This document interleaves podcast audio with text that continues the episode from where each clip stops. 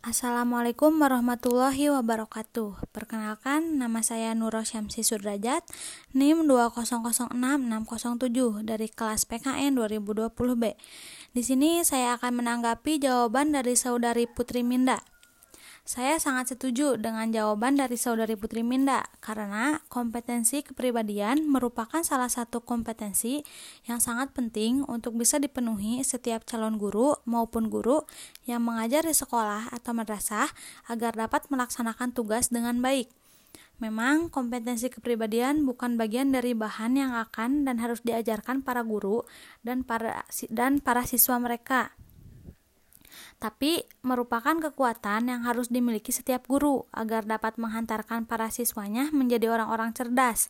Guru pintar tidak akan terlalu bermanfaat jika tidak memiliki komitmen untuk mengajar dengan baik.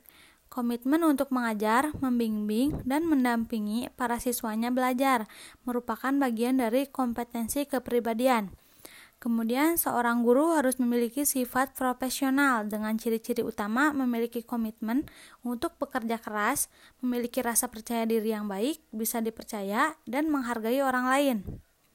Salah satu hal yang amat penting dari sifat profesional adalah memiliki komitmen untuk bekerja keras untuk kemajuan sekolah. Kemudian di samping itu, sifat profesional dalam kepribadian guru juga akan terlihat dari pribadinya yang luhur yang dapat dipercaya oleh orang lain. Sifat dapat dipercaya tersebut bisa ditandai dengan dua indikator besar, yakni kebiasaan berbuat kebajikan yang ditandai dengan sikap yang sangat loyal pada institusi, pada kebijakan bersama, dan loyal terhadap pekerjaan yang dipercayakan kepadanya. Kemudian bersikap terbuka peduli, dan selalu memberi dukungan pada institusi institusinya. Kemudian, sifat dapat dipercaya juga bisa dilihat dari integritasnya terhadap berbagai nilai dalam pelaksanaan pekerjaan, yakni nilai-nilai kejujuran, keadilan, konsistensi, dan selalu memenuhi janji.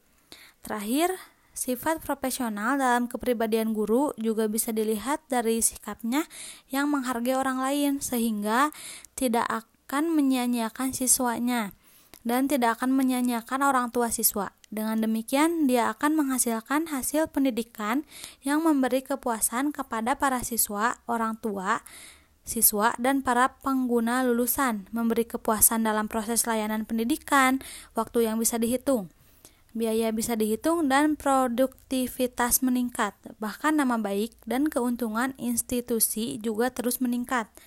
Mungkin cukup sekian yang dapat saya sampaikan. Mohon maaf apabila terdapat banyak kesalahan karena kesempurnaan hanyalah milik Allah Subhanahu wa taala.